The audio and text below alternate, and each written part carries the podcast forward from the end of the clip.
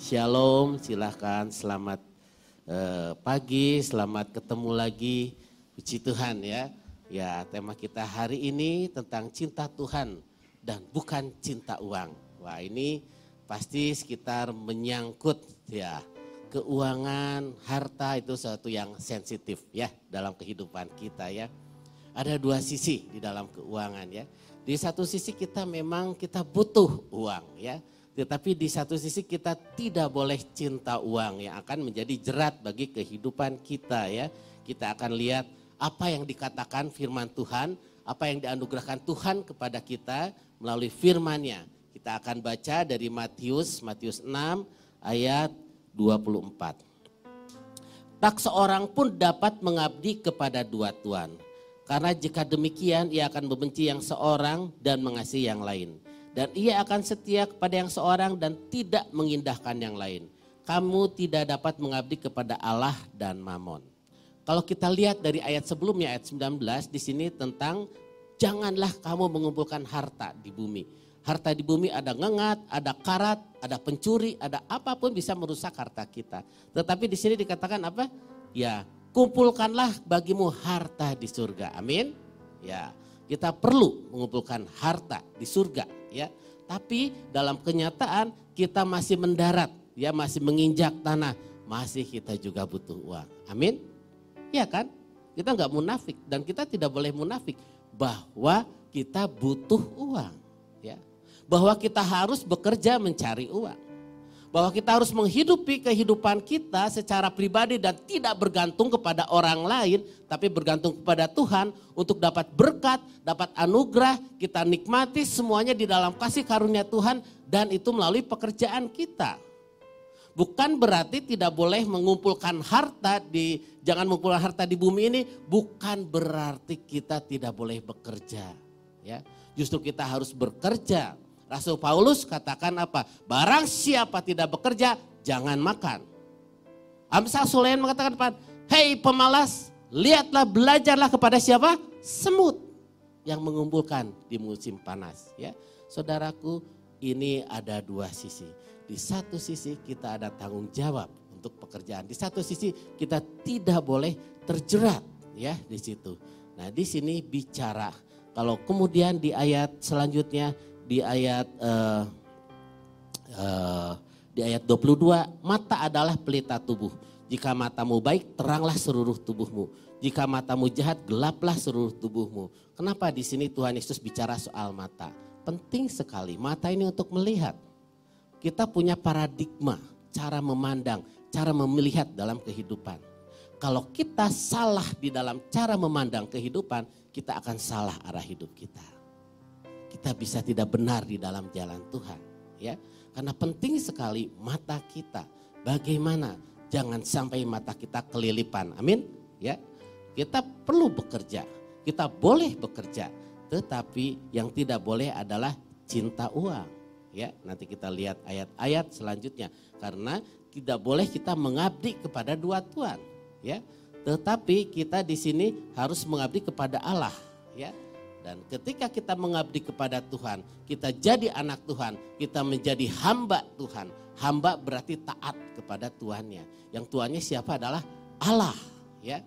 Tapi kalau orang jadi hamba uang, dia taat kepada uang, dikendalikan oleh uang. Semua pikiran kerja apa? Untuk cari uang. Nah, itu sudah diperbudak oleh uang karena cinta uang, ya di situ. Jadi kita perlu kita belajar untuk sikap hati yang baik dan benar ya. Kita nggak munafik kita butuh uang ya. Kita tetapi cintailah Tuhan ya. Karena itu kita jangan sampai terjerat ya. Karena ada dua sisi e, bagaimana uang menjerat kita. Satu ketika kita di dalam kekurangan.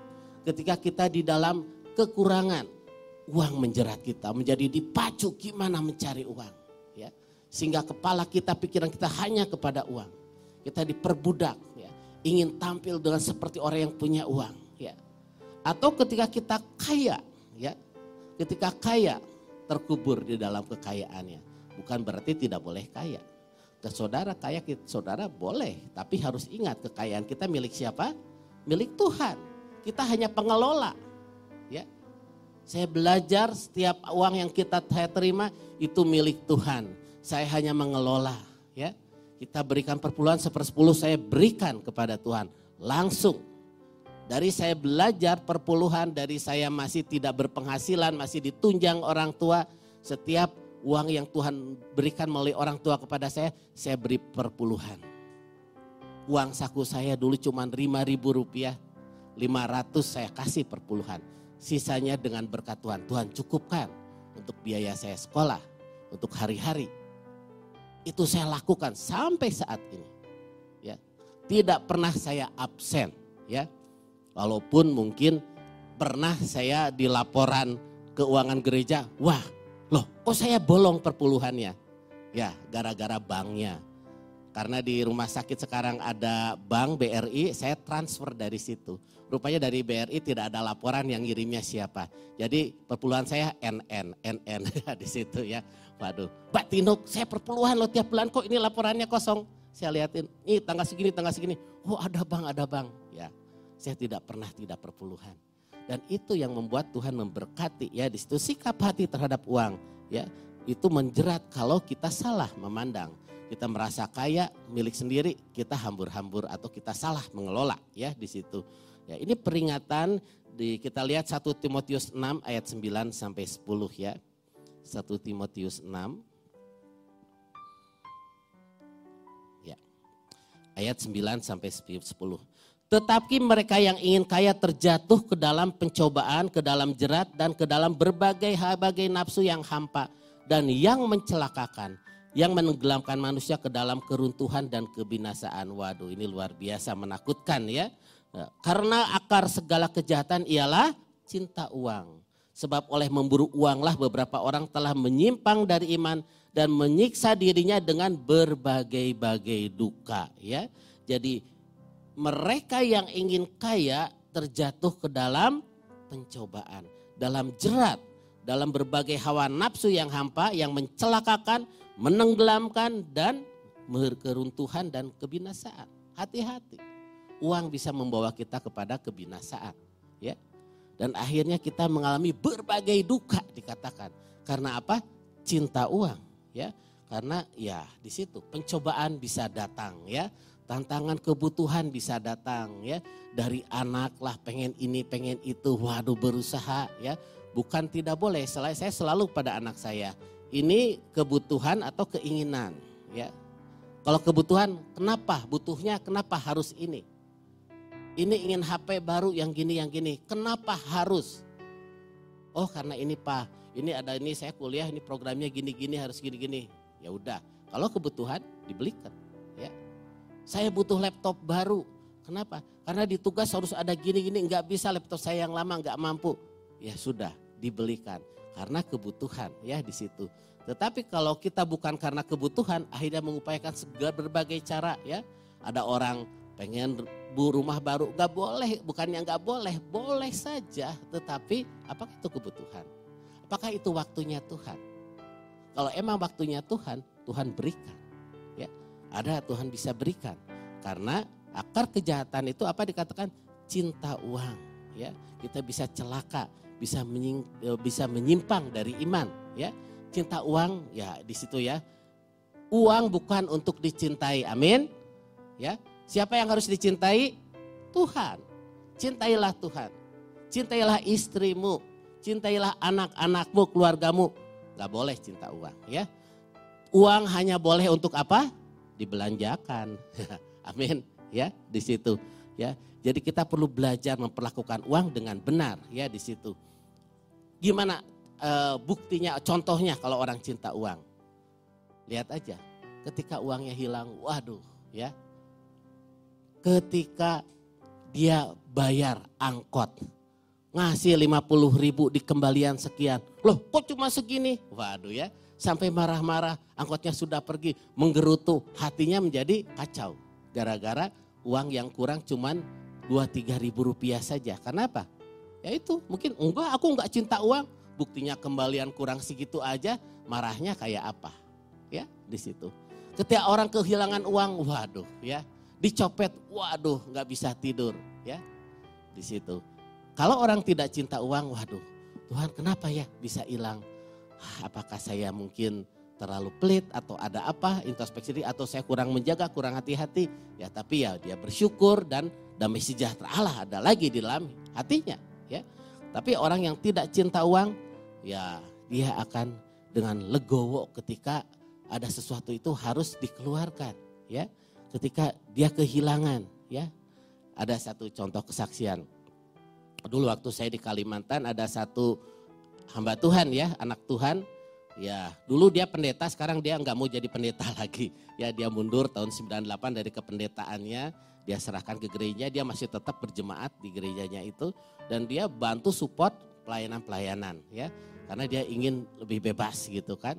Dan dia salah satu yang membantu pelayanan kita di di Kalimantan ya.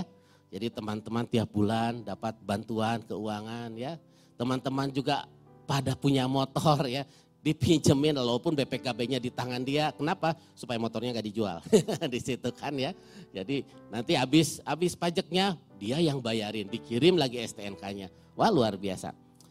Kemarin ke, baru dua hari yang lalu kita zoom ya ketemuan di di situ dan dia yang jadi pembicara ya dia bilang saya bangkrut ya di situ. Tapi dia bicara dengan ketawa-ketawa gitu ya tahun 2019 dengan COVID itu hancur bisnisnya. Dia pengusaha yang lumayan ya. Dulu uang keluar masuk berapa M itu gampang banget gitu ya. Dia bangun berapa sekolah ya di beberapa di Mentawai di mana dan dia tanggung jawab keuangan untuk gurunya segala macam ya. Tetapi sekarang habis habis habis karena apa? Karena pandemi. Sementara anaknya satu orang yang bungsu masih sekolah di Australia dengan biaya 3000 dolar per bulan. Wah sekitar 30 juta ya sebulan. Masih enam bulan lagi. Wah dia bergumul. Tetapi dia orang yang tidak cinta uang. Ketika anaknya lulus suruh pulang bangkrut, habis bangkrut. Tapi dia tanggung jawab. Semua karyawannya 250 orang dibayar pesangonnya. Dia jual perhiasan istrinya, dia jual propertinya segala macam dan dia tidak mau kredibilitasnya rusak sebagai anak Tuhan. Sebagai orang yang bangkrut bisa nggak menyatakan bangkrut? Sehingga orang-orang supplier yang ngisi barang ke dia, aku bangkrut nggak bisa bayar, bisa nggak? Bisa. Ada kejadian, beberapa kejadian seperti itu. Dan nggak tanggung jawab. Tapi dia lebih baik dia buka tabungan, jual aset. Kenapa? Dia memiliki integritas sebagai anak Tuhan. Dia anak Tuhan dan dia jaga kredibilitas sebagai hamba Tuhan. Walaupun dia sudah bukan pendeta lagi. Ya. Dia bayar. ya. Walaupun sekarang dia habis. Gak punya apa-apa. Terus gimana? Ya masih punya rumah lah, masih ada ya di situ. Tetapi untuk penghidupan perusahaannya benar-benar sudah nggak jalan. Tapi di situlah orang yang percaya Tuhan. Orang namanya cinta Tuhan. Tuhan juga cinta dia. Dia ditunjang oleh hobinya. Dia hobi melukis dan lukisannya bisa laku 5 juta, bisa bayar listrik. Ada yang beli berapa, bisa buat ini dan itu. Tuhan senantiasa jaga dari situ kehidupan anak-anaknya. Amin. Ya, kita perlu belajar. Karena itu gimana? Kita lihat Matius 6 ayat 33 kembali ke Matius 6. Ini satu hal yang dikatakan oleh Tuhan Yesus sendiri dikatakan apa? Tetapi carilah dahulu kerajaan Allah dan kebenarannya maka semuanya itu akan ditambahkan kepadamu. Ya, semuanya itu akan ditambahkan. Ini soal harta kan ya. Cari dulu kerajaan Allah. Dulu zamannya kalau orang beli sesuatu dapat bonus. Ya, satu teman dia beli mobil Jeep, ya. Jeep itu ada ban serepnya nempel di belakang kan ya. Dapat bonus, tutup ban serep. Waduh. Itulah bonus, tutup ban serep. Mana yang lebih berharga tutup ban serep atau mobilnya? Nah, orang sering ngejar-ngejar bonusnya, ya. Cari dulu kerajaan Allah dan kebenarannya. Maka semuanya itu akan ditambahkan. Semuanya itu bonus. Yang lain-lain bonus ditambahkan oleh Tuhan, ya. Ibaratnya itu bonus, ibaratnya itu tutup ban serep. Tetapi yang jadi mobilnya apa? Yang jadi berharganya apa? Kerajaan Allah dan kebenarannya. Saudaraku ketika kita dapatkan kerajaan Allah, pengertian kerajaan Allah, kehidupan dalam kerajaan Allah dan kebenarannya, bukan kebenaran kita sendiri. Bukan ngebener-benerin diri sendiri. Hiduplah dalam kebenaran yang Allah sudah anugerahkan kepada kita. Hiduplah dalam kebenaran yang sebenarnya bukan menurut persepsi kita sendiri, ya. Maka semuanya akan ditambahkan ya di situ, ya. Kita lihat dari Roma 14 ayat 17.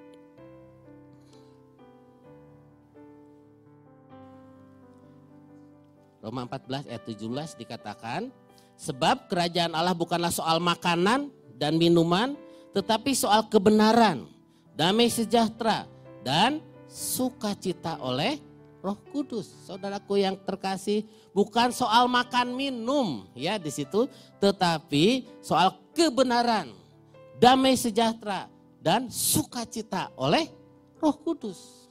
Ya, oleh Roh Kudus di situ. Itu kerajaan Allah. Cari dulu kebenarannya. Cari dulu damai sejahteranya. Cari sukacita. Dalam keadaan apa pun saudara, kesulitan ekonomi, ya, kena PHK, ya, gaji dipotong, ya, di situ ya, wah. Sekarang dengan situasi pandemi seperti berapa perusahaan bangkrut, ya. Seperti ya saudara seiman yang dulu support kami itu bangkrut, ya. Tetapi ada damai sejahtera, ada yang sukacita dari siapa? Roh Kudus. Dan Tuhan tetap memelihara. ya. Karena itu kita perlu untuk kehidupan kita ya supaya kita benar di hadapan Tuhan. Bagaimana caranya? Kita lihat di Lukas 16. Lukas 16 ayat 10 sampai 13. Ya.